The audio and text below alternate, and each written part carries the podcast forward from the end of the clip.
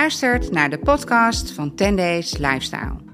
Ik ben Mion en samen met Barbara, founder van 10 Days. Wij zitten aan tafel met hele leuke en interessante mensen. Wat wij het allerbelangrijkst vinden is dat we echte gesprekken hebben. We zijn benieuwd naar hun persoonlijke verhalen, maar ook hun passie, missie en natuurlijk hun dromen. De gesprekken zijn spontaan, ongepolijst, geen filtertjes, geen opsmuk, gewoon just as we are. We hebben vandaag aan tafel bij ons Cynthia Abma, bekend als presentatrice en actrice. Zij is geboren in Rotterdam, woont al heel lang in Amsterdam. Daarnaast heeft Cynthia zich ontwikkeld tot een intimiteitscoördinator. Dat doet ze sinds 2022 op filmsets. En daarnaast is Cynthia coach in EFT, wat Emotional Freedom Techniques betekent, waar ze ons alles over gaat vertellen. Veel plezier met luisteren.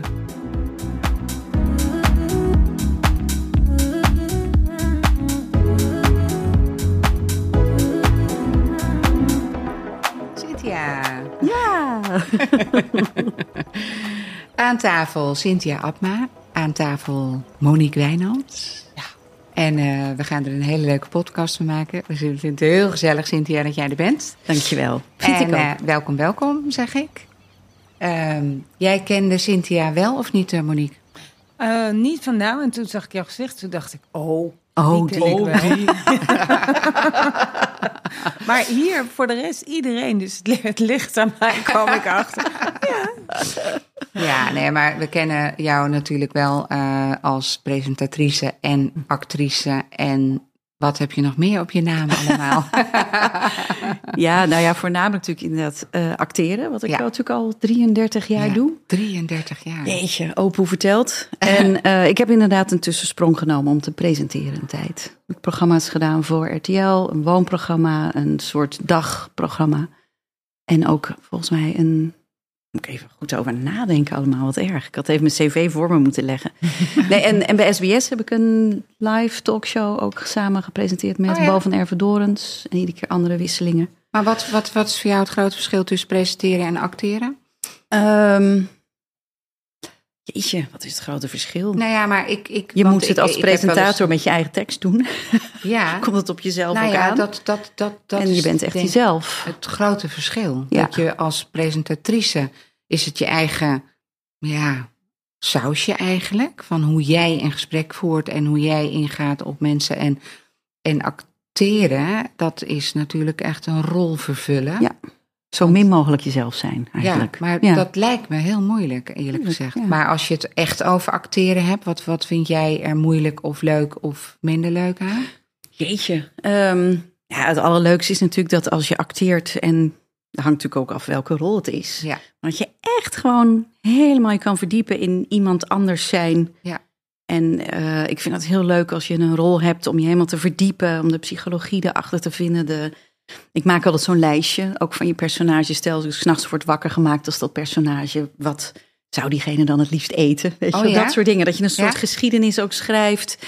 Van hoe zou, hoe zou de jeugd zijn geweest?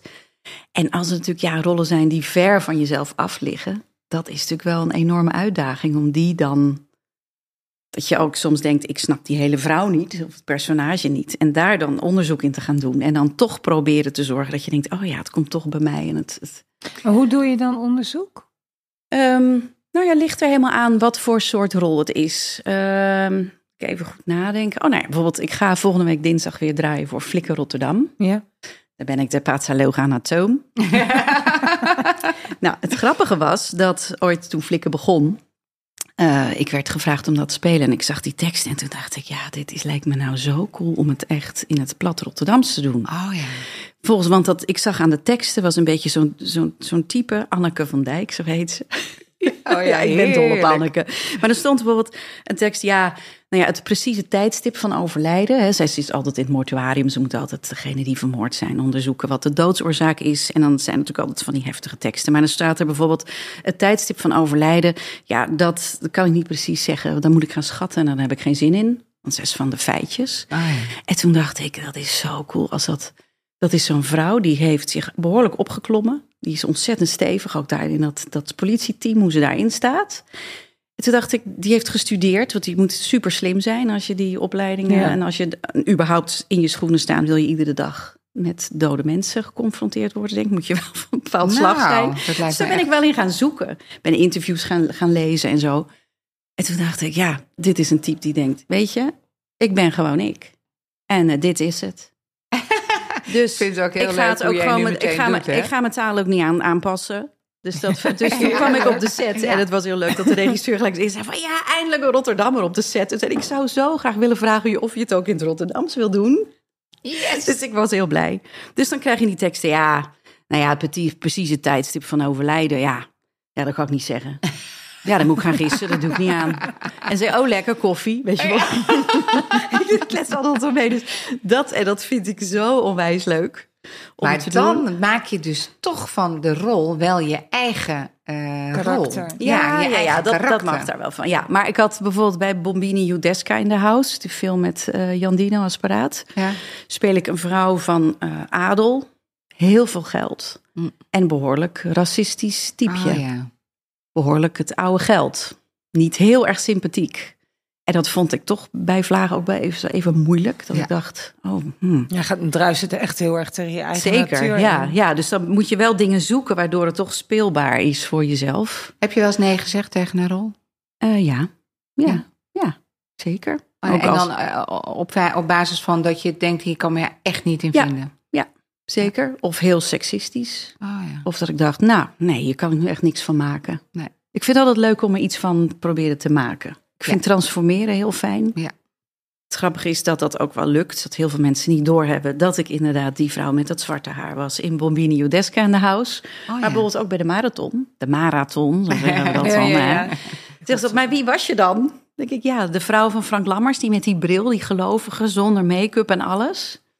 Oh, echt? Nou ja, dat, dat vind ik wel heel leuk. Maar komt dat dan ook door de, de make-up, zeg maar? Dat zie je ook dusdanig Geen make-up? Komt, komt door de geen make-up. Dat kwam door de geen make-up had ik daar bij de marathon. Ja, en, ja en, en een bril. Maar ik ben blijkbaar heel erg te transformeren. Ja? Maar dat dus is zet mij een leuk. andere pruik of een andere Ja. kleur haar. Dan ben ik een volstrekt ander type. Oh, ja? Maar is het, mag ik het dan eigenlijk zeggen als ik je zo hoor dat je zeg maar een, een andere cultuur spelen. Dus even, dan heb ik het eerder over rijkarm of eh, dat, dat, dat je dat makkelijker afgaat dan wanneer je waarden moet vertegenwoordigen waar je niet helemaal achter staat. Dus bijvoorbeeld dat als het heel seksistisch is. Nou, kijk, als het seksistisch is en het klopt, het is voor een bepaalde reden waarom die rol zo geschreven is in het script, Dan is het goed. dan kan ik me er ook wel in vinden. Maar Ja. het is ook, ja, dat was in dit geval niet zo. En dan denk ik, ja, dat heb ik gewoon. Ja, en soms is een heel lekker wijf, ordinele wijf spelen ook onwijs leuk. Ja. Maar ik moet er wel iets mee kunnen met de Ja, rol. ja, ja, ik snap hem. Ja, en het gaat er dan niet eens. En ik vind het tegenwoordig bijna belangrijker van met wie werk ik? Wie, ehm, wie zijn mijn tegenspelers? Wie is de regisseur? Wie heeft het geschreven? Ja. Is het een leuk team? Daar kies ik bijna meer, Ja. tegenwoordig meer op dan. eh, Oh ja, dat snap ik wel. Maar jouw man Ja. is toch ook regisseur, of niet? Ja, maar hij is nu ehm, eigenlijk de laatste tien jaar alleen maar als freelance producer bezig voor commercials. Oh Ja. ja. Dus die bemoeit zich nergens mee Nee. hoor. Nee? Nee, nee. Teksten overhoren en zo. Dat Maar is heb jij hem wel heel- leren kennen daardoor? Doet hij ook nooit. Nee, Ja, nee, nee. Ik heb er niks aan. Ik heb eigenlijk, ja, hij kan goed koken. En, eh, hij is Heel lief. belangrijk, heel belangrijk. Fantastisch. Maar is hij een Belg? Ja. Ja. ja. Elkaar ontmoet op de set. Hè. Ja. ja. Ja. Toen was ik 24, hij 23. Bij, eh, hoe heette die dramaserie? De laatste carrière, een serie van de EO. Oh, echt? Ja, en hij was daar cameraassistent. En dat deed hij om zijn studie te kunnen betalen. Hij zat op eh, de filmacademie in eh, Brussel. Ah ja. En ik dacht, wie is die eh, Hunk. interessante, donkere, stille... Ja, is het een stille man? Ehm, nou, nee, niet, niet nu ik hem ken, nee. Maar het is wel een Belg. Het is Ja. geen Nederlander. Dat vind ik er ook zo leuk aan. Ja. Ja, ja, dus dat is wij, eh, de- ja, dat Een verschil. Snap, ik snap wat je bedoelt.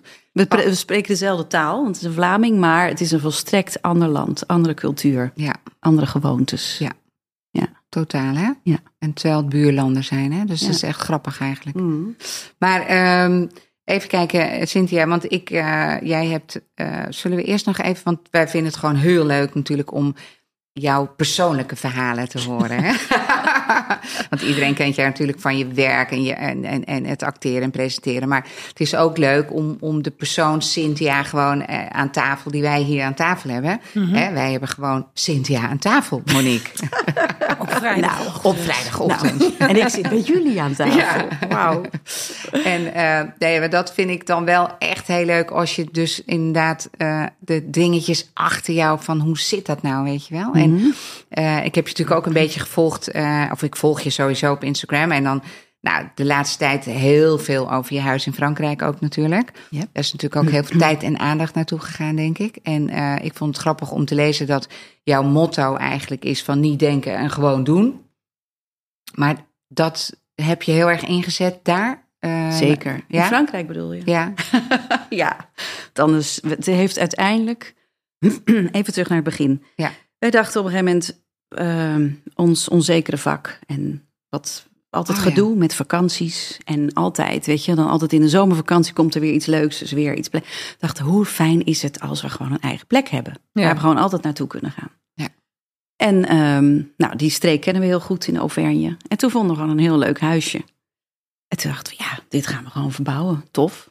En we dachten, nou, hoe lang zal het zijn? Want we zijn allebei wel van het verbouwen, Tom en ik. ja? Ja, ja we zijn al wel aardig wat een huizen steen verder. in je maag, zeggen ze. Hè? In België zeggen ze dan dat mensen daar een steen in hun maag hebben. Want je ziet in België, dat is even tussendoor. Maar nee, in België heb je heel veel eh, kaveltjes die allemaal door mensen zelf, eh, dat er iets neer is gezet. Ja, eigen huis bouwen. Klopt. Eigen huis bouwen. Ja, ja, ja. Veel meer dan in Nederland. Wij, de- Ja. Maar in België Er hebben... minder grond hier. Ja, het, maar de Belgen hebben het ook in zich en, eh, om, om hun eigen huis te willen bouwen. Ja. Maar goed, dus jij ging, had dat huisje gevonden en... Ja, precies, een boerderijtje. En wij dachten, nou, dat gaat twee jaar. Trekken we daarvoor uit. Dat moet wel lukken. Nou, toen kwam corona er natuurlijk tussen.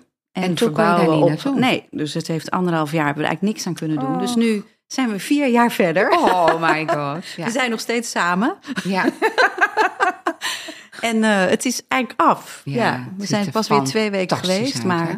ja, het is wel niet lullen, maar gewoon doen. Ja. Dat denk ik sowieso. Want had je achteraf gedacht dat het vier jaar geduurd en zo heftig en wat we allemaal tegen zijn gekomen. We zijn trouwens ooit nog gebeld door een film eh, of door een productiemaatschappij. Kunnen jullie niet volgen? Oh ja.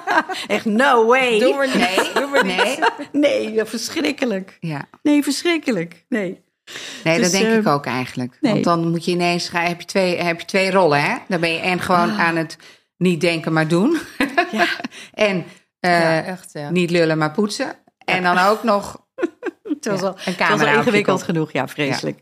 Nee, dus sommige dingen moeten echt lekker privé zijn. Veel Ja. te leuk. Ja. En ehm, nou ja, lang verhaal kort. We zijn, het is vier jaar het is later. We zijn, het is af. Mm. En ehm, we waren er in de, nu in de, in de vakantie. En we moesten de laatste dingen in de tuin nog dingen doen. En natuurlijk nog een paar dingen verven en een beetje lakken en zo. En dan zeiden we, wat zullen we nou nog eens gaan doen? Is de gewoon huis- klaar. Aan de huis. Is gewoon... eh, Ja, nou, Tom heeft plannen om een houten huis te bouwen. Dat Oh. wilde hij heel graag. Ja? Dus dat, er worden nu alweer plannen getekend. Nee. En dan, Maar wel daar, Ja. op dat... eh, Ja, daar in de buurt. huis. Ja, we gaan gewoon een stukje gewoon, gaan gewoon zoeken. Maar de bedoeling is, Cynthia, ga je daar wat meer zijn? Of voor verhuur? Of voor eigen gebruik? het is meer? voor eigen gebruik. Ja. En eigenlijk ook als we, ja, als we er zelf niet zijn, dan eh, willen we het wel gaan verhuren, ja. Mhm. Het is te zonde om het leeg te laten staan eigenlijk. Maar wat had dat te maken met jullie onzekere bestaan? Nou, omdat we altijd heel vaak eh, vakanties boekten en dat ging dan weer niet door. Of een beetje weer last minute. Oh ja, op die En het weer duur. Toen dachten we, als we nou gewoon een plek hebben, kunnen we er altijd naartoe. Ja. Of een van de twee. Of met de kids. Of weet je, het is in een dag te reizen. Je Ja. kan met het vliegtuig, kan ook met de trein, met de auto. Het is het hele jaar door, is het er leuk. Ja? En ik vind het, ja, je kan zitten een uur van een wintersportgebied. En in de zomer kun je kano op de rivieren vlakbij, meertjes. Ja, het is gewoon zo'n ongerepte Zo'n plek. natuur. Ja, zo'n plek waar ik niet nadenk Maar over ligt wat het ik nog boven aandoe. Parijs dan? Nee, het is drie- drieënhalf uur onder Parijs, Auvergne. Ah, ja. Het is lekker weer. Maar ik zeg precies, we zitten daar tussen de boeren. Ja. Alleen maar. Fransen. Dus ik denk totaal niet over na of die spijkerbroek nog wel hip is. Nee. Nee, dat maakt daar even Heerlijk, uit, mijn oude vliestrui. Ja, oh, heerlijk. Mijn wandelschoenen. Ik vind het helemaal top. Ja, Ja. ja. Had jij altijd al wat met Frankrijk? Ja, Hm. ja. Nee, want dat vind ik altijd wel, hè? Je hebt mensen die altijd of naar Spanje of naar Italië of naar Frankrijk werden getrokken. Ik weet niet waarom, maar Ik vond het altijd een fijne plek. En het leuke verhaal is eigenlijk wel toen... ehm, Tom heeft altijd lang dus in Brussel gewoond. En ik woonde toen in Rotterdam. En toen besloten we samen te gaan wonen. En eh, ja, toen hadden we natuurlijk heel veel spullen dubbel. Oh ja. Toen zeiden we, ja, wat gaan we doen? Sommige dingen, en denk ik, ja, die kunnen wel weg. Maar andere dingen, het zonde of, of bijzonder. Dat, eh, weet je wel, we zijn altijd wel van de brokantes en Ja. spullen met een verhaal erachter. Daar Mhm. houden we wel van. Ja. En toen dachten ja, wat gaan we daar dan mee doen? Zeiden we, jeetje, het is voor Frankrijk. Oh ja. Gewoon uit de gein. Zo gewoon een doos gepakt, toen gewoon Frankrijk opgeschreven. Nou, Gewoon bizar. daar lampen in gedaan, kussentjes en Echt? weet ik van alles. En dat heeft toen jaren op, op de zolder gestaan. Echt waar, wat en nu, dus die lampen, die hangen dus nu in de keuken. Echt waar? Goed, hè? Geweldig. Ja, dat vind ik echt een eh, Dat mooi verhaal. Frankrijk. Ja. Maar ik, wat ik ook mooi vond toen ik las, eh, ik las dat interview in de Linda. Mhm. Dat jouw zoon had gezegd, hij had, die had een, een, een kastje of zo, had heel lang bij hem op de kamer gestaan. en die had gezegd van, kan ik dan nu eindelijk eens iets van Ikea krijgen? Erg, hè? Ja, mijn ouders waren ook altijd wel van, eh, weet je wel, eh, antieke spullen en Oh ja. kasten en brokantes en dat soort dingen. Dus dat heb ik wel van huis uit meegekregen. En mijn moeder was ook wel zo'n type, dat als ik dan smiddags thuis kwam, dat dan ineens heel de woonkamer anders was. Of ze had Oh, toch ja. ineens alles bruin en oranje waren natuurlijk hele Ja, hippe kleuren toen destijds. ja. Maar ook het plafond bruin en dan de muren ook. Dat mijn vader vond dat al wel grappig. Die vond het allemaal wel leuk. Dus weet je, wel, dus dat met, met interieur bezig zijn, dat Zit ja, er wel van huis uit in. vond ik altijd wel heel erg leuk. En ehm, ik ben even het bruggetje vergeten. Wat zei je nou? We hadden het over die Ikea-kast. Oh ja, dus inderdaad. Dus die, die, ik heb op een gegeven moment een echte oud-Hollandse kast gekocht. Met mijn ouders samen in Delft, een antiek winkeltje. En dat is zo'n hele handige kast. Die kan je gewoon helemaal uit elkaar halen. Dus ehm eerste huis. Dus daar had, had mijn vader had daar een briefje geschreven. Eh, het is ook, ook gewoon een handleiding, hè, hoe je de kast in elkaar moet zetten. Maar ook eh, Hetty, Harry, Cynthia. en dan datum erbij. En dan Delft. En dan naar Rotterdam, het adres. En dat prikte, had hij gewoon in de punaise boven in de kast geprikt. Nou, toen is het weer naar een ander huis in Rotterdam. Is die kast weer meegegaan. Heb ik daar ook weer het veranderd. Oh, leuk. met wie ik verhuisd ben. Dus er stond er Cynthia en Tom. En Harry had hij erbij. En toen is die kast weer meegegaan naar Amsterdam. Dus toen heb ik daar geschreven, hup, naar Amsterdam, weer een datum erbij. Wat leuk. En dat is dus nu in de kamer van Vic. Nou, en die stond daar dus heel de tijd. En die zei van, ja, nu eh, Nu ben ik klaar met die ik kast. wil gewoon een strakke witte, zo'n wandmeubel van Ikea. van Ikea. Dacht ik, ja, ik snap het wel. Toen dacht ik, nou weet je wat, dan gaat hij mee naar Frankrijk. Ja. En nu staat hij daar dus nu weer op het briefje geschreven. Frankrijk, weer een Wat datum. leuk. En eh, grappig, hè? Ja, dat is wel echt. eh, maar dan, ja, oude spullen leven ook veel meer natuurlijk. Hè. Ik, hou- ik hou persoonlijk ook heel erg van strak. Hè. Bij mij in huis zit niet zo heel veel geschiedenis, moet ik heel eerlijk zeggen. Maar dat, dat, dat ja, Maar het is geen showroom. nee. Dat is het verschil, toch? Er Ja. zit jouw... Warmte, Warmte en- bezieling. en- zie- tuurlijk, Zeker. ja. Er staat hier en daar wel een heel mooi engeltje. Ik kreeg van Bar nog vorige week een engeltje. Die had ze gekocht voor mij in Frankrijk. En eh, weet je, dat soort dingen. Die, dat soort waardevolle dingen vind Ja, ik wel. En alleen dat engeltje was gebroken toen het aankwam in Nederland. En Oh. toen zei ik, oh, dat vind ik wel een beetje eng. als jij mij een, een engel voor mij meeneemt en als die gebroken is. Hè? dus ik, ik, wij wel meteen gekeken wat dat zou betekenen. Want ja, eh dat kan zomaar bad nieuws zijn, weet je wel. En toen zei ze, nee, ik heb het bij allemaal gecheckt, Mion. Ik ga het lijmen. En, eh, maar het is gewoon scherven brengen geluk. Voilà. En opgelost. En klaar. Ja. Eh, Nee, maar dat is zo leuk dat nu in Frankrijk ook ons huis, weet je, dat we natuurlijk gewoon wel goede bedden en, en dat we een goede bank hebben. Want je moet wel lekker kunnen zitten. Maar bijvoorbeeld de tafel, staat een eikenhout tafel. Die hebben we dan weer van de Franse Marktplaats oh ja. Gehaald. En we wilden per se een, een oude trap, weet je wel. We hebben een hele nieuwe verdieping eigenlijk erbij gemaakt. Het was oorspronkelijk één slaapkamer. Toen dachten we, ja, we moeten er twee Ja. zeker bij. Dus toen, nou ja, was een heel gedoe. Toen bleek dat het dak ook toch Oh. slechter was. Dus een heel nieuw dak opgegaan. Eh we hebben dus een hele nieuwe vloer gerealiseerd. En daar dus twee extra slaapkamers gemaakt. Dus en alles geïsoleerd. Alles, alles, alles gedaan. Maar echt, Poh. echt Maar is het een groot huis of eh, was het nog wel te doen qua grootte? Want anders dan ben je natuurlijk misschien wel tien jaar bezig. Hè? Nee, dat wilden we ook niet. Maar we hebben op een gegeven moment ook wel voor gekozen als... Nou, of is het groot? Het heeft drie slaapkamers, één badkamer en toilet. Grote, lekkere woonkeuken, keuken. Hmm, Een ding groot. Lekkere tuin eromheen. Gewoon heel fijn. fijn. Ja, en heb maar- je ook een zwembad? Nee. Nee, dat is jammer. ja, Bij deze een oproep. Nee. we willen nog een zwembad. We willen nog een zwembad, ja. Nee, dat weet je, we hebben zoveel zwemplekken in de buurt. Nee joh. En het kost ook wel weer een hoop ja, geld. het is ook ja, en, En en een hoop gedoe. ook een hoop gedoe zijn. want- Schoonhouden. en, Ja. eh, Ja, maar ik geloof eh, toevallig dat eh, vrienden van mij een huis in Frankrijk heel lang gehad hebben. En die hadden een zwembad erbij. En op een gegeven moment waren de reglementen aangepast. Want Frankrijk heeft heel veel regels. Hè, en in, in wat wel Heel en veel, niet mag. ja. Het moest ineens een hek om dat zwembad heen. Oh ja, ja, Eh, ja. ja. vanwege eh, veiligheid. Voor als je het ook verhuurt en Ja. dat soort dingen, weet je wel. Maar ik hoorde dat ze nu in, eh, ik weet nou niet welk Zuid-Europees land, maar in ieder geval omdat het al zo lang droog is. Ja. Ja, je- geen nu, zwembaden eh, meer in de supermarkt niet, kopen. eh, precies. In Zuid-Frankrijk. Dat was Ja. het, ja. En ze gaan ook volgens mij in de zomer, ook omdat er zo'n, gewoon door Nou, klimaatverandering. Ja. En gaan ze ook echt met helikopters over alles heen. Welke, welke tuintjes zijn heel erg groen, want die worden besproeid. Het Ja. mag ook echt niet meer. Oh, echt? Ja, gewoon door. Ja. Nou, Ik weet nog dat ik van de afgelopen zomer in Frank eh, Italië was, weet je wel, Mhm. met Bar. Ja. En eh, toen waren zij eh, een dagje, weet ik veel waar naartoe. En ik was gewoon bij het zwembad gebleven. En toen op een gegeven moment kwam er een hele grote vrachtwagen daar terrein op rijden. En het leek alsof er in die tank van die vrachtwagen stond iets op dat er melk in zat. Kwam gewoon een slang uit met water. Echt? Ja, en ik denk echt dat het een illegale manier was om dat zwembad Oh ja. weer te vullen. Want ja, die mensen verhuurden dat huis. Dat zwem, en er was iets met dat zwembad waardoor het water wegliep, zeg Ja, maar. ja, ja, het was de-. En eh, dus het was wel stress voor die mensen volgens mij. Eh, maar in ieder geval, ja, zo worden natuurlijk dan die wetten een beetje misschien omzeild. Dat, dat er dan zogenaamd een melkwagen onderweg is. Maar die is gewoon met water onderweg om Heel, zwembad heel te vullen. transparante melk. transparante melk. Het is heel raar. Het Alles is, eh, ja. Heel magere melk. Ja. Deze podcast gaat over grenzen verleggen. Oké. Nou, Dus, die hebben we eh, dus flink verlegd. Ja, hè? Ja. ja, nee, maar als, als, als, als ik zeg grenzen verleggen, wat is voor jou heel grensverleggend geweest in jouw leven? Zeg? maar? Oei, jeetje. Grenzen verleggen. Nou ja, ook andere interesses, nieuwe. eh, hè, je bent eh, naast actrice, presentatrice ook intimiteitscoördinator. Coördinator. Ja, klopt. En wat, wat houdt dat precies in, eh, Cynthia? Want ik- Ehm, ja, daar kan ik uren over kletsen Oh. natuurlijk. Ik zal hem proberen kort en Ja. bondig te houden. Daar heb ik soms nog wel moeite mee. Hè? Ja. Met een podcast van drie uur dit. Ehm, nee, eigenlijk eh, is een eh, wat intimiteitscoördinator is te vergelijken met een stuntcoördinator voor film, ja. tv, theater.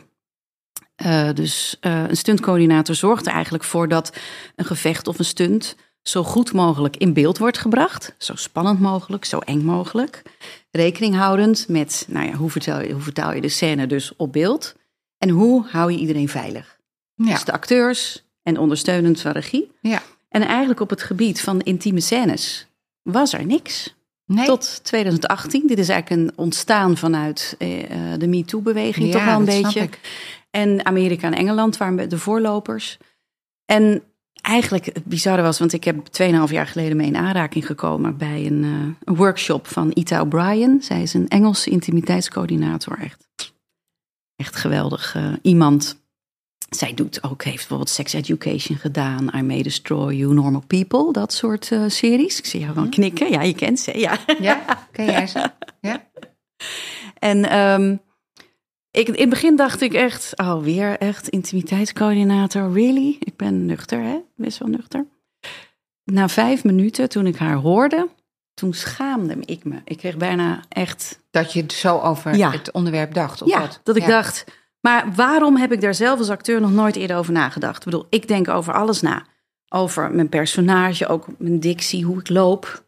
Andere loopjes vind ik ook altijd wel leuk, je houding. Maar er is een heel team hoe nadenkt, hoe je eruit ziet, hoe je make-up en alles is. Mhm. Maar als het erop aankomt en mijn personage moet zoenen of vrijen, of hè, alles wat met intimiteit te maken, daar denk je dan niet over na. Nee.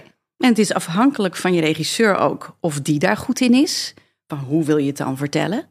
Wat, wat wil je zien? En heel vaak staat er ook in een script, ze kijken elkaar aan, ze zoenen en vallen op bed en beginnen te vrijen. Punt. Volgende scène. Oh.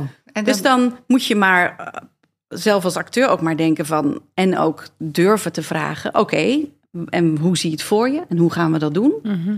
Dat is ook best wel lastig. Ja. Soms durf je, ik bedoel, inmiddels loop ik wat jaren mee. En door schade is gewoon een beetje wijs geworden. Durf, vraag ik dat absoluut. Maar waar, waar het mee te maken heeft, is dat je natuurlijk met die power dynamics, met machtsverhoudingen heeft, hebt te maken. Dus een regisseur, die heeft zo'n ontzettende macht. Want die Mhm. bepaalt of jij de rol krijgt of jij of jij. Hmm. En dan heb je natuurlijk met producenten te maken, met casting directors. Weet je, het is natuurlijk al die machtsverhouding. En durf daar maar als acteur dan ook te zeggen van ja, maar dat ga ik niet geloof doen. ik helemaal niet. Of ja, maar het is een beetje verleidelijk. Doe maar verleidelijk. Maar wat is verleidelijk? Voor jou kan het weer heel anders zijn dan voor jou bijvoorbeeld. Dus om dat helder te krijgen, is er dus nu, ja, maak je dus echt net als coördineer je dus echt een scène. Dus wat doe ik dus? Ik lees het script. Dan kijk ik ook gewoon, dat is wel heel tof. eh, vraagt ook een producent, wil jij het eens checken? We denken dat deze scènes onder intimiteit valt. Maar dat is ook bijvoorbeeld douchen. Of naakt door het beeld lopen. Of vrijen, inderdaad. Zoenen, ook met kleding aan. Maar ook bevallingen. Forensisch onderzoek. Al dat Ja. soort dingen. Dus als het maar iets met intimiteit te maken heeft. Dus dan ga ik dat, eh, nou, het hele script breng ik dan in kader. Heb ik gesprekken met de regisseur. Zeg ik, hoe zou je het idealiter willen, voor hoe zie je het voor je? Het liefst heb ik dan voorbeelden en dingen, weet je, dat ik een beetje snap hoe diegene denkt. En los van alles en iedereen heb ik dan voorgesprekken met de acteurs. Om gewoon te vragen, oké, je hebt de- je ziet de scène. Wat vind je ervan? En dit en dit wordt, bestaat er bijvoorbeeld, eh, ik geef maar een voorbeeld, eh, seizoenen heftig buitensmonds. Wat is buitensmonds zoenen? Weet je wel? Dat je denkt, hè? Ja, zegt de regisseur, het moet wel echt lekker. Het moet wel lekker geil en het moet wel goed zoenen. Ik, ik zeg maar allemaal als het voor Ja. voorbeelden. Hè? Ik verzin het ter plekke. Ehm ik denk, oké, fijn. Dus dan ga ik aan de acteur vraag ik dan... hey, er staat buitensmond zoenen. Er moet echt flink gezoend worden. Ja, ja. Ik zeg, nou, wat vind je daarvan? Ja, ja, dat is echt uh, tongzoenen dan. Ik zeg, nou ja, weet ik niet. Wat, uh, nou ja, ja, ja, liever niet. Ik zeg, oké, fijn, niet tongzoenen. Ja, maar ja, als het er staat... Ik, nee, dat vraag ik niet. Ik vraag wat jij zelf... Wat zou je zelf willen? Nou ja, nou ja, nou ja, nou liever niet. Maar ja, als de regisseur het wil, nee, wat wil Nee. jij? Want inmiddels heb ik, hebben wij zoveel tools. We hebben echt opleidingen. We, zijn, we doen het met z'n vijven. Ja? We zijn, uh, tenminste nu inmiddels al bijna zeven. We moeten een veel groter team hebben. Maar we zijn dus intimiteitscoördinatie Nederland. Dus wij hebben gewoon internationaal gekeken. Oké, waar moeten we aan voldoen om dit vak te kunnen, uh, om dit te worden, om dit te zijn? Nou, dat is enorm veel internationaal gezien. Want in Nederland lopen en Europa lopen we daar natuurlijk weer een beetje mee achter. Oh, echt? Ja, absoluut. Dus wij hebben onze opleidingen in Amerika, dus online, en Engeland. En ondertussen ook je mental health, first aid diploma, je EHBO, conflictbeheersing, power dynamics, LGBTQ awareness, alles. Je moet heel veel weten, maar ook over storytelling, decoupage. Maar ook snappen hoe werkt een set, hoe zijn de machtsverhoudingen, uh, waar heeft productie mee te maken, wat de acteurs, managers, casting werkt. Het is echt een, je bent echt een head of department alleen. En je moet samenwerken dus met, met heel veel. Maar kan jij anderen. ook nu zeggen, nu je dit doet, dat heb ik in het verleden ook wel eens gemist, dat er Ja. iemand was die dat uh, Zeker. begeleidde? Want Ja. ik kan me zo voorstellen dat jij, uh, dit, dit is sinds 2018 actueler dan daarvoor. Dus jij hebt zeg maar al jouw 20 jaar uh, acteer. Heb jij ook wel situaties gehad dat je dacht, nou, voel me hier helemaal niet zo happy bij? Of? Ja. ja, ook wel eens dat, um, nou ja, nu weten we inmiddels. Kijk, het was een scène, een vrij scène. En uh, ik, cliché, vrouw onderop, man bovenop. En de regisseur zei, ja joh, weet je, je hebt gewoon, uh, we zien niks, want jullie liggen onder de dekens. Dus misschien wel je bovenlichaam. Maar jullie kunnen gewoon je onderbroek aanhouden hoor. Ik denk, oké. Okay. Maar ja, dus dan lig je daar. Met je onderbroek aan. In je onderbroek aan. en je voelt alles natuurlijk. Ja. En het is ook Oh. vooral het op voorhand dat je denkt: ja, ben jij oké? Ben jij oké? Nou, dan ga je maar een beetje wat doen. En dan ben je zomaar een beetje beweging aanmaken. En ik weet nog zo goed dat de regisseur toen riep: Ja, Cynthia, ja, top dit. En uh, ik zat een beetje afstand nemen van de microfoon. Maar kun je ook uh, een geluidje maken als je klaarkomt? Gewoon over die hele set. Kun je een geluidje maken als je klaarkomt? Oh. Terwijl hij achter de monitor zat. Moet je je voorstellen, dus ik lag daar zo. Hè? Ik dacht, een geluidje maken? Oké, okay. nou ja, je, je, gaat, je bent gewend om door te gaan. Je mag ja. nooit een take stoppen als acteur. Dus toen deed ik maar iets van... Uh, uh, weet je maar en ondertussen dacht ik er... Oh, dit is zo gênant. Ja. Want nu denkt, zo denk je dan... Iedereen denkt nu dat ik dat privé ook doe. Oh ja. Snap je? Of, of Cynthia komt thuis ook zo klaar. En iedereen kent, kent Tom. Daar op de set. Dus die dacht, oh, dus die doen dat thuis ook. Nou, alles. Ah, ik, ik ah. schaamde me kapot. En nu, wat zo tof is, doordat je nu het benadert als... hoe zoent jouw personage? Dus niet hoe zoent Cynthia, maar Ja, hoe zou jouw personage... hoe zou diegene klaarkomen? Gewoon geluidjes verzinnen, eh, naar het dierenrijk kijken qua beweging. Je kan zoveel tools geven om het allemaal weg te houden van jou Van persoonlijk. jezelf. Ja. Ja. Want wat het lastige is, en dan gaan we even terug naar het wat is intimiteitscoördinator. We vinden het natuurlijk heel normaal als je een mooie dans in een scène wil. Nou, dan vraag je een choreograaf. Bij een stunt of een gevecht, stuntcoördinator. En nu dus gewoon intimiteitscoördinator. Want het toffe is, je bent en bezig met veiligheid voor iedereen. Dus zorgen, wat zijn jouw grenzen? Waar ga je niet overheen? En met die info ga je gewoon echt een choreografie maken. Ja. En je hoeft echt niet te tongzoenen, wil het er echt uitzien. Het gaat erom, wat wil je vertellen met die kus? Wat is de energie? Wie begint? Wie is de aanzet? En ook van, hoe lang duurt de kus? En is het nog even van elkaar af? Of, en dat is, kussen zijn eigenlijk het leukste om te coördineren, vind ik. ja. En, en, en hoe het op beeld? Hoe ziet dat het beste eruit? Dus ik sta ook op de set. Dus ik, we spreken ook codes af. Hè, eh, als een acteur er staat, ik moet weten, zijn ze nog steeds oké? Maar oké is een heel groot woord. Dus als ik vraag, ben je groen? Hoe gaat het? Dan zeg ik, groen, weet je, want ik heb altijd gezichtscontact. Ah, ja. Ik sta dus naast de regisseur eigenlijk op de monitor. Verder een closed set. Alle monitoren afgesloten. Dat het maar een heel klein gezelschap is. En dan, eh, als ik weet, nou, groene betekent... Hey, ik voel me helemaal prima en top. Ik heb het naar mijn zin. Goed. Als het bijvoorbeeld geel is, betekent dat... Nou, ik vind het eigenlijk wel spannend. Maar ik voel me nog wel oké. Oranje betekent behoorlijk out of my comfort zone. Hou me in de gaten. Zal ik altijd even vragen, oké, kom even. Wat is er? Waarom is het nu oranje? Wat kunnen we doen om het terug te krijgen naar geel of groen? En rood betekent echt gewoon stoppen. Hm. Dat is echt gewoon doordat dat je ineens denkt, ik ben eruit. Of door als een man denkt, ik ben echt, word echt opgewonden. Dat kan, want je hormonen hebben niet altijd door dat je natuurlijk aan het acteren bent. Dan stop je ook gewoon. En hoef je niet te zeggen, jongens, eh, sorry hoor, er gebeurt hier wat beneden. Nee, gewoon zakelijk, stop professioneel. En je merkt door, door die afspraken dat die er zijn en acteurs op voorhand de bodycheck bij elkaar laten doen. Dus consent vragen aan elkaar. Vind je het goed dat ik jou daar mag aanraken, ja, of nee? Zodat je niet hebt van, oh ja, sorry, ik zat per ongeluk aan je bil. Is dat oké? Nee, dat is prima. Dan kan je gewoon nooit je rol goed spelen. Dus het wordt veel professioneler, veel zakelijker. En veiliger. Zakelijker klinkt een beetje raar, maar Ja. professioneler. Nou En ja, je maar weet- het is eigenlijk zakelijker. Ja, en je weet doordat het wordt minder persoonlijk. Want als je daar als je persoonlijk je dingen meebrengt, dus Mhm. als je niet nadenkt over een kus, dan kan het zomaar zijn dat je over je eigen grenzen flink gaat. Ja.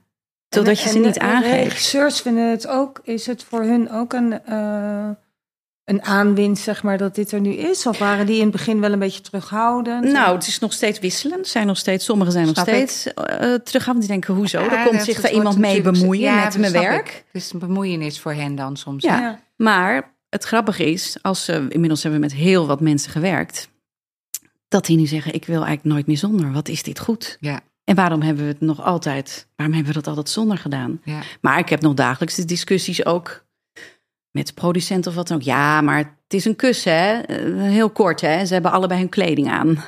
Ja. Dus, Dus. dus het, het is ook. Maar je moet zelf denk ik wel acteerervaring hebben om dit te kunnen doen. Of, Ehm, nou, in ons team zit Marcousa Hamer. Zij is ook acteur. En dan zitten twee first AD's, dus ehm, eh, first assistant directors. Dus die staan ook op de set. Eén is theaterregisseur. En we hebben ook nog een eh, acteur inderdaad. Dus ik vind het heel fijn, omdat ik me goed kan verplaatsen. ja, dat en ik bedoel snap ik. het. ik. Ik kan me voorstellen dat als je je goed kan Ik denk verplaatsen dat in dat de wel actrice helpt. Of in de acteur, dan, dan ben je... Ja, maar ook vanuit je- je eigen ervaring, toch? Ja. Ja, zelf Ja. tegenaan. eh, Nou, het, het- ik moet je eerlijk zeggen, in het begin vond ik het best spannend. Want ik dacht, oké, ik ga nu ineens hier iets anders doen. Want ik dacht, jongens, het hadden we met dit groepje van... Dit is zo belangrijk en dit moeten we top priority maken. Gewoon Ja. in, de, in de Nederlandse film en theater Ja. en tv-industrie. Waarom is dit er nog niet? Mhm. Ik bedoel, en dan komt er weer een, iets in de media over grensoverschrijdend gedrag. En dan worden wij natuurlijk weer heel veel gebeld. Terwijl dat vaak niet altijd met intimiteitscoördinatie te maken heeft. Maar gewoon goede vertrouwenspersoon Ja. en helderheid op een, hè, bij een tv-programma set. Maar ehm, ja, het, ik was in het begin heel benieuwd. Dat ik dacht, dan sta ik op een set. Ik ben heel gewend om altijd voor de camera te staan en de aandacht te staan. Trek ik dat zelf? Ja, Want dat zijn misschien ook sommige rollen bij dat ik denk, oh, die had ik zelf ook wel willen spelen. Ja, ja. Dus ik was heel benieuwd hoe ik dat zelf zou voelen, maar ik heb daar helemaal geen last van. Goed. En dat vind ik merk, ik vind het sowieso met de crew gewoon ontzettend leuk. Ik heb een hele andere functie. En er wordt ook naar mij geluisterd. Vind ik ook heel leuk. Ja. Maar je bent ook, In plaats van dat je uitvoerend bent. tweeledig. Het is Ja. ook een creatieve rol. Absoluut, absoluut. En je moet je ontzettend flexibel zijn. Nou ja, als je net zegt, wat is jouw, in jouw carrière over grenzen verleggen?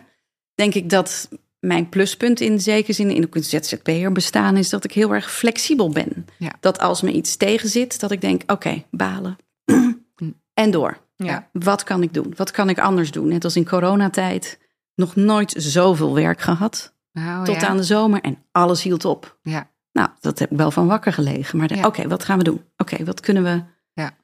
Maar dat is jouw eh, eh, niet denken, maar gewoon doen, hè?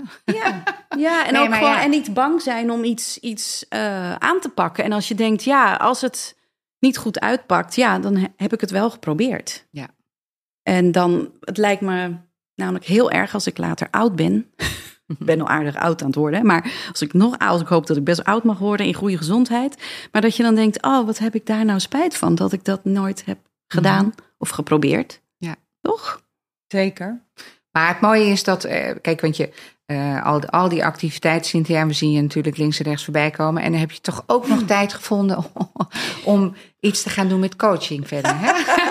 ja, ja.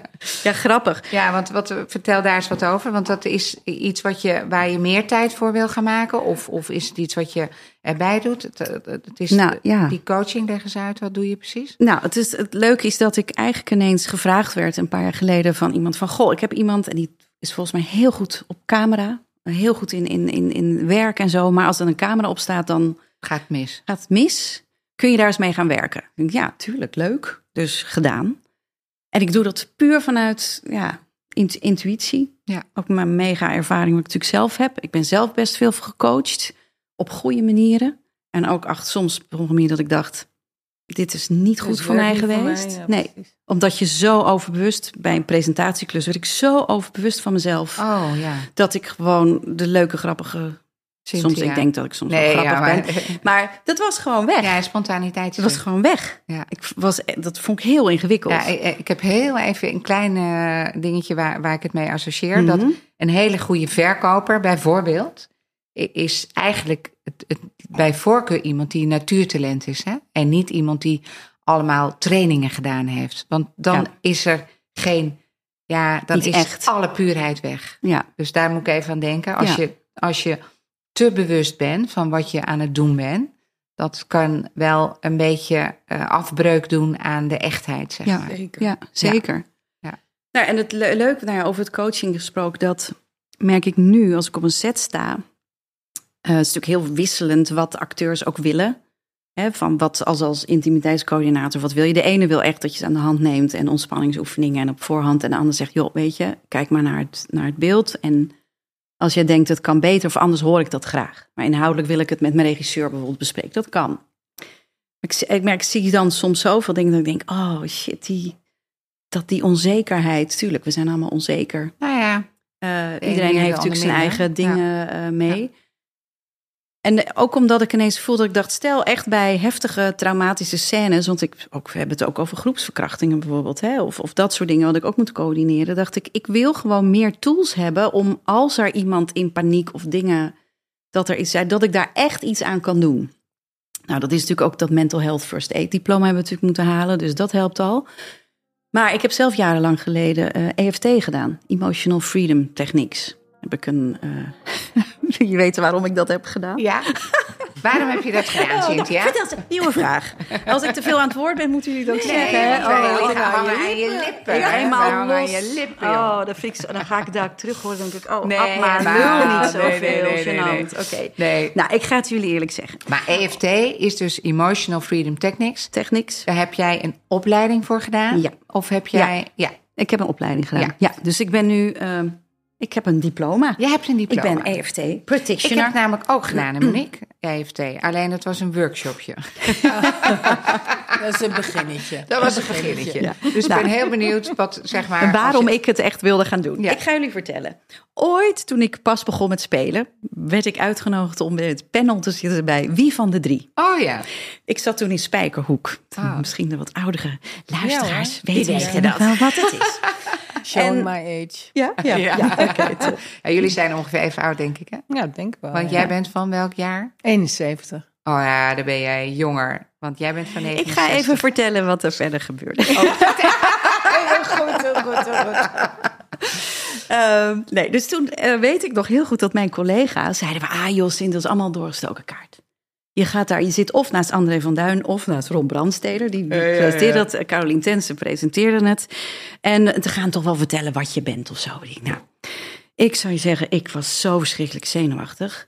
En een vriend van mij had een beetje zitten geiten. Die zei van, oh, je gaat dat natuurlijk... eh, want dan moet je een soort schot voor de boeg geven. En dan moet je een woord raden Oh, van wie ja. je bent. En, eh, en zeiden, en als, als jij dan een woord moet raden, dan moet jij zeggen eh salami-worst. Want dan weet ik dat jij, weet je wel, dat is Oh, een ja, ja. schebbetje. Dus nou, de, oh, haha, lachen, lachen. Nou, ik zit daar naast, eh, wie, naast wie zat? Naast Ron Brandsteder. En ik, ik, dat je zo zit en dat je zo'n helikopterview hebt. Kennen jullie dat? Ja, dat je jezelf ja. ziet Zelf zitten. Ja. zelf ziet reageren. En er was een tribune, een live, live publiek. En mijn neef en nicht zaten... Oh ja, wat een hysterisch verhaal. Die zaten ook op de tribune. En die zeiden, Cynthia, wij zeggen het wel voor. Oh no. Als er is. Dacht ik, nou prima, dat moet goed komen. Nou, en eerst dacht ik al, dit is heel raar, want mijn collega's hadden gezegd, ze zeggen het wel voor welk woord je bent. Nou, er werd echt niks, gezegd. Dus, en waar gaat het natuurlijk om als je in zo'n tv-show zit? Je moet een beetje lachen en een beetje leuk een meedoen. beetje En hoe stommer je doet, Ja. is allemaal prima. Maar ik dacht, ik moet het woord raden, want anders gaan ze me dom vinden. Oh, ja. Dus het was één groot drama. Dus, eh, en mijn neef en nichten had ik op een gegeven moment ah, op een knop. En dan stond Louis Braille. Ik weet nog heel goed wie ik dan was. Dus toen dacht ik, ja, ik ben een wie. Dus ik kan ook niet zeggen, ben ik een salamiworst? Maar daar zat ik dus allemaal mee in mijn hoofd. En vervolgens keek ik op de tribune en zag ik mijn neef en nicht zo met hun handen voor hun ogen. En zo Oh ja, zit braaien. Alsof ze braaien. En ik dacht, hè, hè, camera net op je, dat je net zo zit in beeld. Nou, drama. Dus jaren daarna dacht ik, ik ga nooit meer meedoen aan zo'n programma. Dus ik heb altijd nee gezegd op tv. Ik kreeg al rode vlekken van de, van de spanning. En ieder jaar vroegen ze me eigenlijk wel voor de slimste mens. Oh. En ik kijk daar heel graag naar, Ja. samen met mijn jongste zoon. Dus was er weer een aanvraag voor de slimste mens. Dus Tom, mijn man, zegt, heb je het gezien? Leuk hè, weer slimste mens. Ik zei, ja, ja, nou, dat, ik weet dat ik daar weken van wakker lig. Ja. En daar word ik er thuis niet gezelliger op. Waarop mijn jongste zei, ja, maar mama, het is toch gewoon een spelletje? Dan zei ik, ja, maar ja, hallo, je moet ook Hallo, wel dingen wel weten. aan die en- camera. En ja, en ik dacht, dan ja. zit je daar en dan... Volgens mij krijg je dan zo'n blackout, Blackout. dat je niks meer weet. En dan... eh, hij zei, ja, maar ja, jij zegt altijd tegen ons... Ja, dat gaat lang leven de opvoeding. Als je iets spannend vindt, dan moet je het misschien gewoon doen. maar doen. Toen dacht ik... Oh, no. Jammer. Ja. Dus Nu toen heb ik. ik eh eh, Marian Mudder, zij is ook EFT-behandelaar, een goede vriendin van mij, gevraagd: Wil jij mij hierbij helpen? Want ik, ik sla doodsangst serieus uit. En ik ben bang als ik daar zit dat ik niet meer rustig kan nadenken.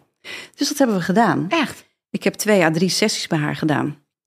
En ik, ik ben het gewoon gaan doen. Oh. Ik ben uitgevlogen, één aflevering. Nou, maakt niet uit. Je hebt het gedaan. Maar ik heb het en ik was zo trots op mezelf dat ik daarna goed. in de auto dat ik dacht, ik heb het yes.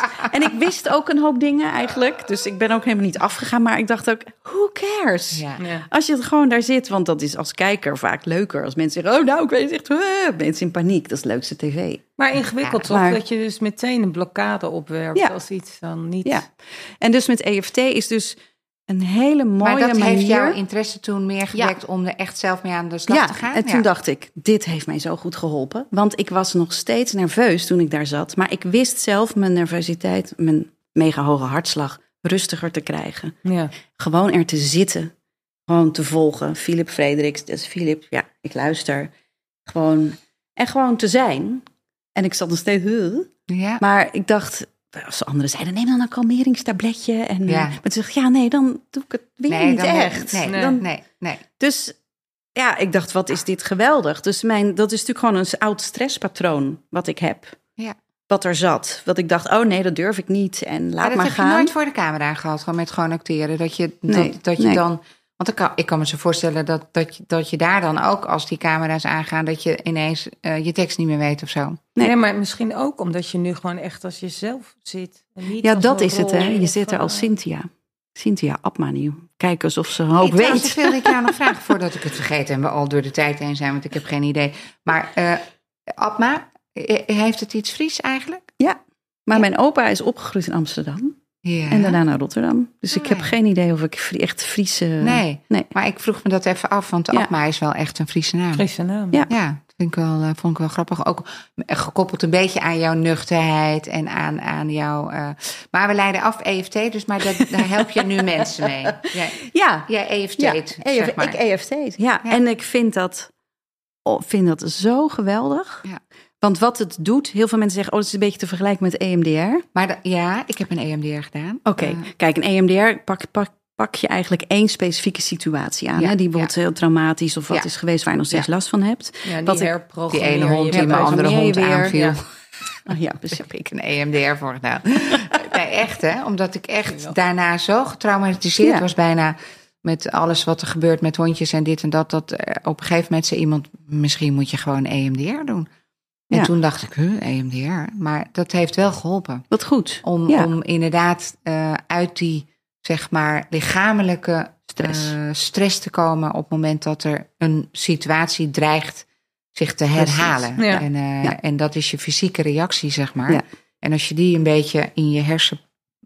want ik dacht, wat, hoe werkt het eigenlijk? Maar je transformeert eigenlijk iets in je hersenen. Hè? Ja. Van, van eh, dat er niet meer zo'n stressreactie... Nou ja, wat, wat natuurlijk je lichaam doet, die heeft dus zo'n alarmknop. Ja. Dus al, iedere keer als jij daarna weer een hond zag, Ja. ging die alarmknop weer aan van let op, mijn Ja, hond spannend. want dat, hè, net als bijvoorbeeld stel als je als jong kind gebeten bent door een hond. ja, en je bent hebt volwassen, het je denkt- totaal niet onder controle meer Nee, dan. en je denkt, ik heb het niet zo met honden, hoe kan dat dan? Ja, Nou, wat je eigenlijk dus. En EFT werkt eigenlijk meer dat. eh, wat pak je ook specifieke momenten aan natuurlijk. Maar je hebt vaak nog een heel stresspatroon eronder. Of hoe ben je gewend om om te gaan met spanning? Ja. Of met kritiek? Hoe doe je dat? Ja. Nou, dan kan je dus heel mooi met EFT. En wat ik het toffe vind.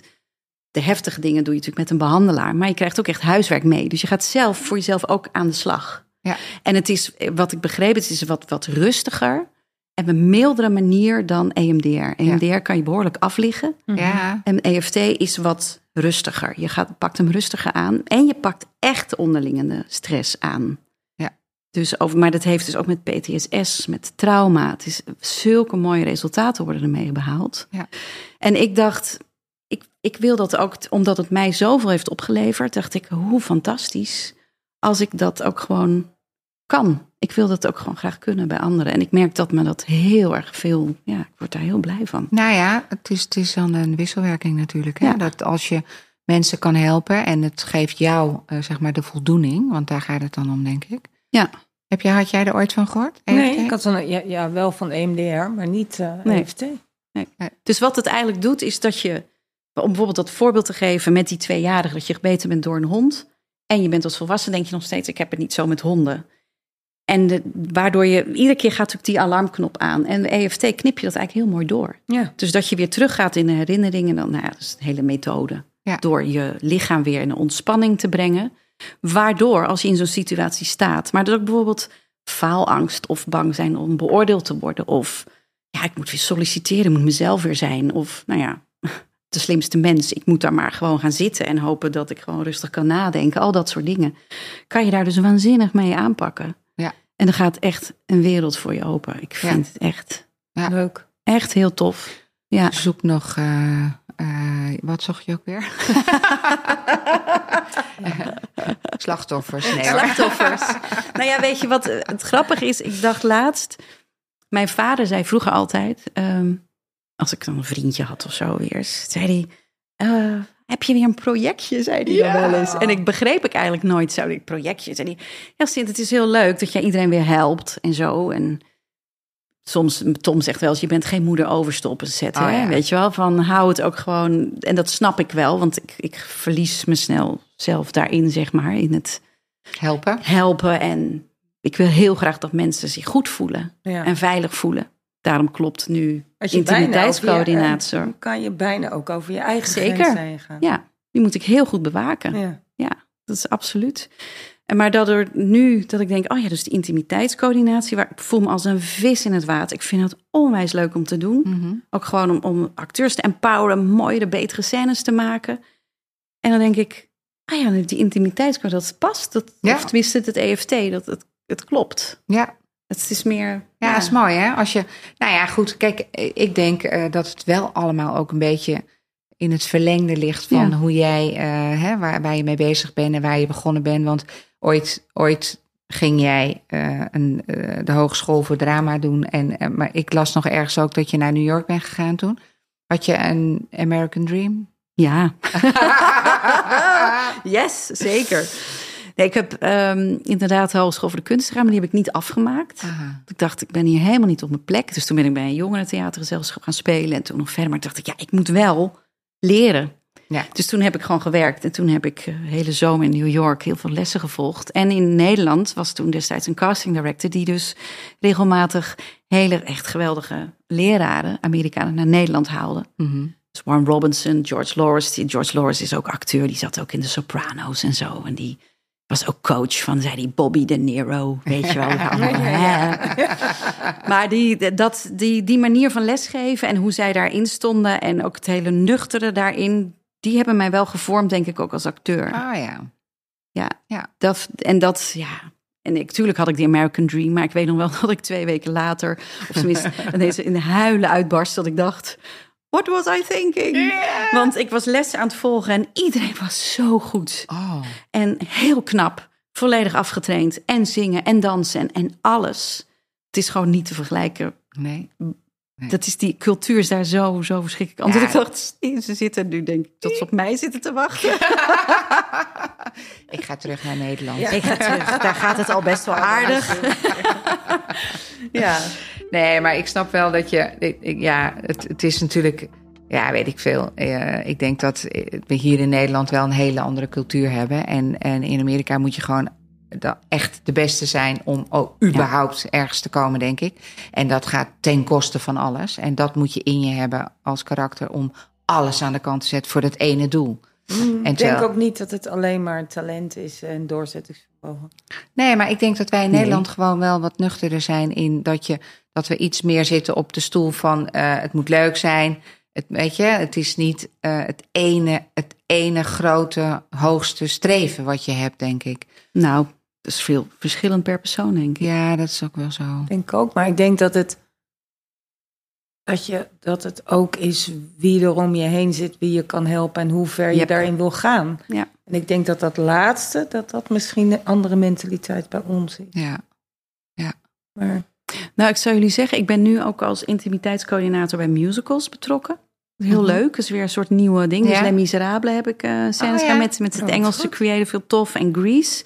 En ik, straks ga ik naar AIDA. Mhm. oh, cool. En ja, dat is echt heel erg leuk. Ook gewoon om het daar te... eh, want wat daar natuurlijk gebeurt, stel je hebt de twee hoofdrolspelers en die moeten hè, bij AIDA natuurlijk eh, zoenen met elkaar. Maar die zijn niet ook altijd dezelfde. Dat wordt natuurlijk ook Ja, gewisseld oh ja. in het set. Dus die ja. moeten wel goed, goed helder afspreken. En wat Ja. is de kus? En dat dat ook gewoon goed gezet wordt, net als een dans of een gevecht. Dus dat ga ik, ga ik straks ook weer doen.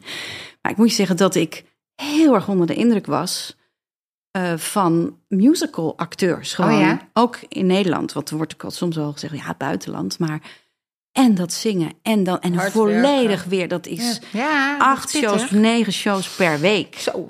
Dat ik wel eens denk, gewoon een acteurs. Je hoeft alleen je tekst te leren. Zorg dat je op tijd bent, uitgeslapen bent. Dus je bent alleen maar een rol aan het spelen. Kijk eens naar die mensen die dat negen keer per week. Ja. Hou Dus ze ook dat- niet zo heel lang vol, denk ik, hè? Nou wel hoor, Toch? ja. Maar het is wel, het is dat, ja, ik, heb daar Nou, ik heb het laatste...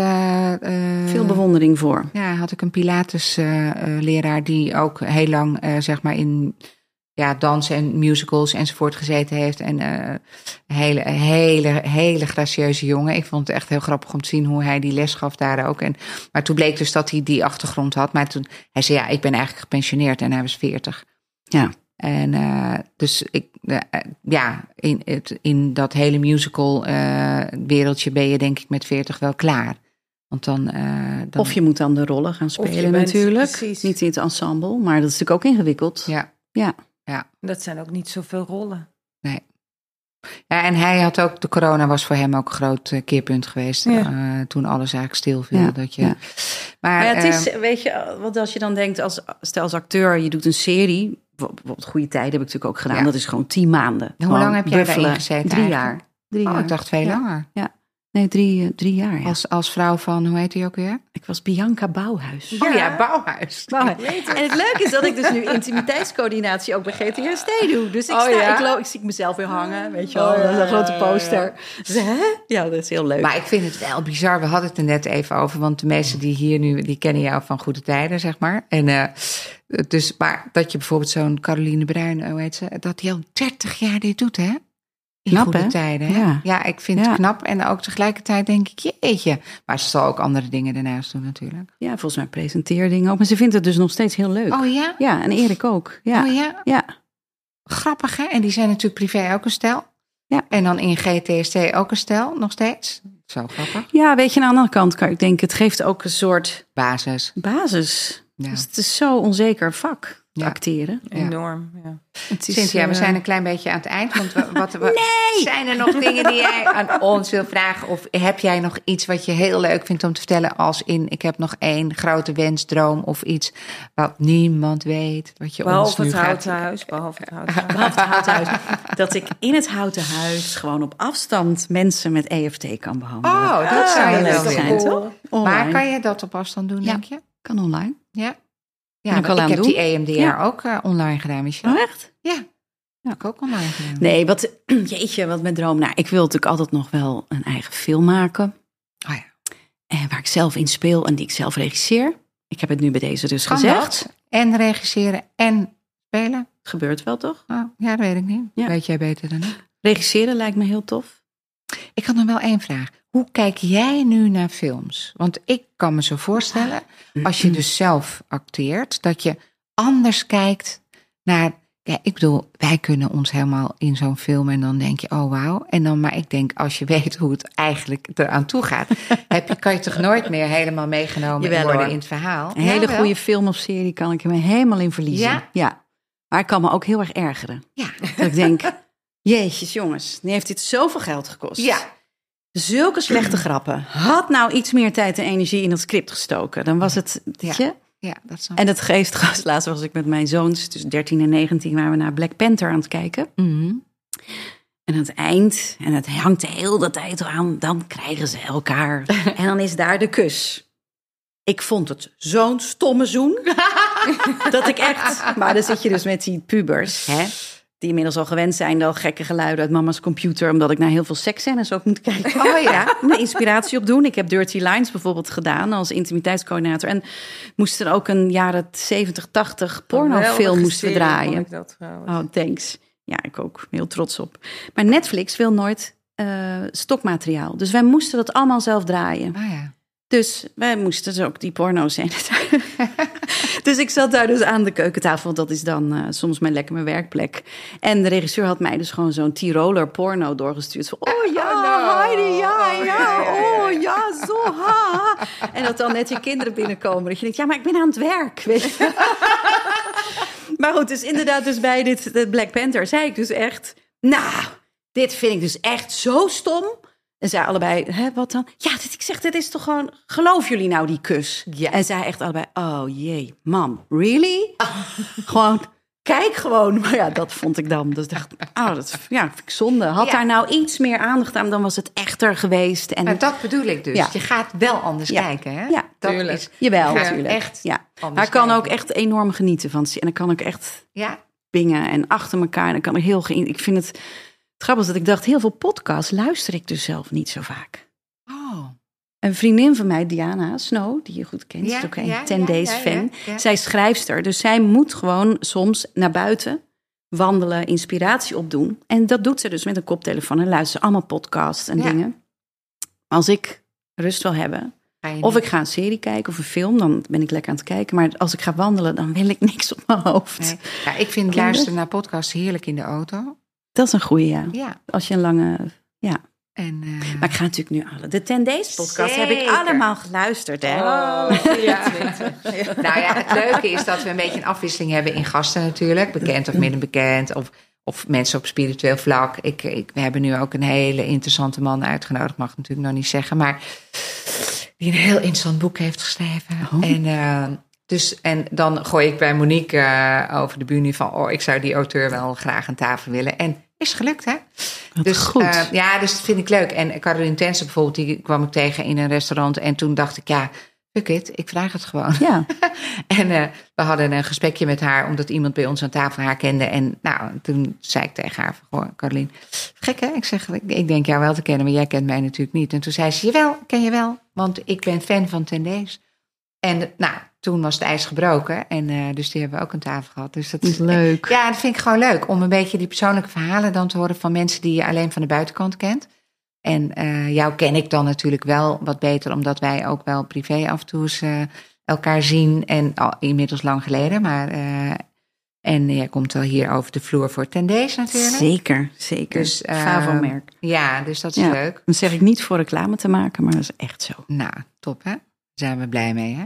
Daar, gaan- Houden we erin. daar houden we er niet erin. uit. Ja. Knippen we er niet uit. Ja, ik denk van, oké, wat grappig is toen ik hierheen dacht ik, oh ja, ik moet natuurlijk een beetje gaan nadenken. Ik moet wel ges- gestructureerd wel vertellen. Nou, nou, dat is denk ik heel goed gelukt. Nee, hebben toch Nee, alles, alles van hak op de dak, is hysterisch. Nee, nou ja, maar- het grappige is, ik ben dus, ik denk dat wel duidelijk is, ik ben niet in een hokje te stoppen. Nee, je bent absoluut niet in een hokje. Dat willen we graag in. Nederland ja, nee, altijd, maar hè? Wat ik, mijn doel van deze podcast is ook dat we echt een gesprek hebben. En niet een interview alleen of mensen dat, dat je van, van het lijstje afwerkt en zo. Want ik heb iets voor me liggen waar ik van denk, oh ja, dat is leuk of niet vergeten of whatever. Ja. Nee, maar dat gaat van links naar rechts. verleggen. Grenzen verleggen, ja. Uit je hokje gaan. dus Uit je hokje eh, gaan, grenzen verleggen. Flexibel nadenken. Ja. En ik zou echt dat het EFT, mensen mogen absoluut bij mij komen, maar het hoeft ook niet, natuurlijk niet. Nee. Ik dwing niemand, maar het, oh, ik, ik, wat ik soms zo ingewikkeld vind, ik vind sowieso de maatschappij momenteel ingewikkeld. Ik vind Ja. dat we allemaal heel hard zijn. Mhm. Eh, dat komt ook dat hele social media natuurlijk, van pleur je mening maar Ja. ergens neer en we vinden er wat van. Het is zwart-wit, waar is nog een beetje de... Ja. En denk ik, als we nou gewoon eens even wat liever zijn, kijk naar jezelf pak, en daar ben ik echt van overtuigd. Als je zelf het gevoel hebt dat je graag iets wil of een droom, en het hoeft helemaal niet mega groot te zijn, hè? maar je moet zorgen wel dat je, omdat het zo'n heftige tijd nu is, je moet gewoon goed voor jezelf zorgen. Mhm. Ja. Dus doe iets waar je blij van wordt. En dat kunnen hele, hele kleine dingen zijn, maar denk daarover na. En als je voelt, er zit iets wat mij tegenhoudt om dat te doen, ga het echt onder ogen zien. Ja. En ga het aanpakken. Ja. Want ik denk, want anders word je ook, ja, krijg je lichamelijke klachten. Nee, Daar ben ik zeker. ook van overtuigd. Als je Nee, het stress is een mooi zit, maar streven om meer mensen, eh, maar daar in die tijd zitten we. ja, Dus dit is eh, wel de tijd waarin we toch wat verder zouden moeten kijken dan de sneus lang is, in plaats van dat we ons terug. oh, en dat snelle En- en- oordelen allemaal Ja. maar. En, en accepteer Ja. gewoon. En weet En je dat? veroordelen ook. En veroordelen. En ja, jij bent anders dan ik. Hoe mooi is dat? Ja. Ja. En, en dat betekent als je een andere mening hebt, het is niet. Het is ook prima. Dan kunnen we nog steeds door een deur. En ehm, ja, en, en gun het jezelf. Pak jezelf aan. Ja. Als je merkt van ik, ik zit, Ik, ik loop vast. ik loop vast. ja, Ja, ja, dat hoeft niet, hè? nee. Nee. Dat, ik gun ik iedereen Ja. zo eigenlijk. Ja. Nou ja, dat gunnen, dat hebben wij ook, hè? Met, ook met onze kleding. Dat we denken, we gunnen eigenlijk iedereen van ga, ga zoek, zoek dat wat je, waar je je fijner voelt, waar je goed voelt. Maar ook, en ook op gebied van kleding, maar ook op gebied van welzijn en op gebied van eh, op Ja. zoveel gebieden. En mensen ze hebben toch soms een beetje de neiging om zich tegen te laten houden. Dus eh Zeker. moeten ze jou bellen. Ja. Ja. ja, of andere EFT-behandelaars. Mag zeker welkom, Nee, maar, ja. maar het, hoeft niet per se middels EFT. Maar ik merk wel dat het gewoon dat het praattherapie en alles. Je denkt, oh jongens, dit is zo doeltreffend en je gaat zoveel sneller. Ja. En het levert je zoveel op. Snelheid. Ja. dat is En ik vind het gewoon ontzettend leuk dat een paar cliënten die ik nu heb, die zijn zulke stappen aan het maken. Ander werk. En ik zeg, ik, nou, ik ben nu, ik slaap veel beter. Ja. Eh, lichaamkwalen die minder worden. Sommige die weggaan. Dat mijn, mijn arts was verbaasd. Nou, dat vind ik zelf ook nog heel wonderlijk. Ja. Ik Ja. wil ook niet zeggen dat het komt per se daardoor. Maar wel omdat diegene zelf met zichzelf aan het opruimen is. Ja. En Top, ik, ja, en ik merk ook dat, ik bedoel, tijdens een opleiding moet je dat voor jezelf ook, ook heel erg doen. Ja. En ik merk nu ook als ik op een set sta, dat ik soms wel eens had als intimiteitscoördinator, soms best pittig. Als Ja. allemaal mannen, en je moet zeggen, nee jongens, dit gaan we niet doen, of zus of zo. En dat dat zoeken is en wennen is. Ja. Maar omdat eh, altijd natuurlijk altijd ook zo'n stemmetje zit, oh, ben ik goed genoeg? Of misschien kan ik het wel niet, hè? dat is mijn, mijn Ja. dingetje. Daar ben ik mee aan het werk. Ja. Dat ik nu ook denk, ja, het hoeft ook niet perfect. Nee. Dit is wat het nu is. En dit is goed. En ik doe mijn best. En ik kan ook fouten maken. En als je dat al, al realiseert, wordt het leven zoveel. Oh, Ontspannen dat vind ik wel ervan. Een hele mooie afsluiting, Cynthia. Om dit eventjes lekker bij mensen binnen te laten komen. Ga ik nu verder niks meer zeggen. Deel 2, volgende week. Precies. Je komt gewoon nog een keer terug. Oké, guys. Thank you. Dankjewel. Prachtig. Mooi gesprek. Oeh, dankjewel. Nou, tijd. 10 Days Talks wordt geproduceerd door Mickey Media. Bedankt voor het luisteren en tot de volgende aflevering.